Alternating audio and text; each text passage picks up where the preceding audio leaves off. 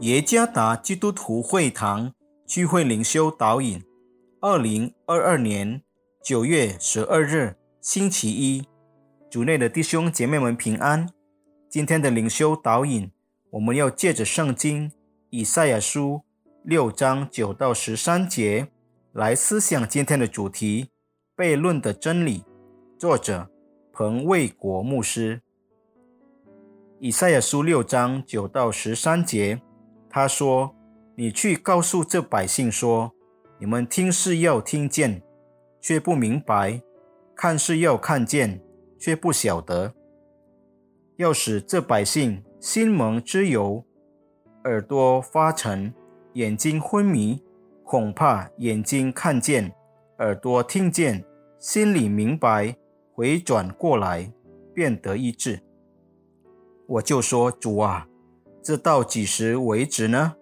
他说：“直到城邑荒凉，无人居住，房屋空闲无人，地土极其荒凉，并且耶和华将人迁到远方，在这境内撇下的地土很多，境内剩下的人若还有十分之一，也必被吞灭，像李树、橡树。”虽被砍伐，树子却仍存留。这圣洁的种类，在国中也是如此。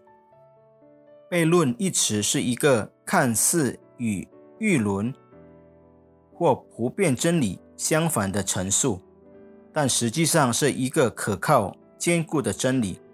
我给了悖论的真理这个词。悖论的真理一词的使用。与上帝吩咐先知以赛亚做的几个术语有关。今天的经文描述了不寻常的使命。每一个宣教服饰都是希望被辐射的人能够明白我们的宣教信息，进而领悟并悔改。这是所有人的普遍期望，包括一般的宣教机构。但我们在以赛亚的经文中。发现了什么？生命目标不同，甚至显得是一种悖论。以赛亚必须传讲上帝的话语，使他们能够认真的听，但不明白；认真的看，但不晓得。不单单如此，以赛亚也被要求使百姓的心刚硬，使他们的耳朵和眼睛无法正常的运作。令人困惑，不是吗？以赛亚的使命是上帝要管教他的子民，使他们最终能够成为圣洁的子民。今天，上帝的子民也是如此。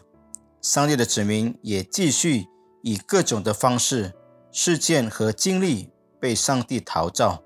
然而，重要的是，您能够看出这个悖论的真理吗？悖论的真理。透过不寻常的使命得以揭示，愿上帝赐福弟兄姐妹们们。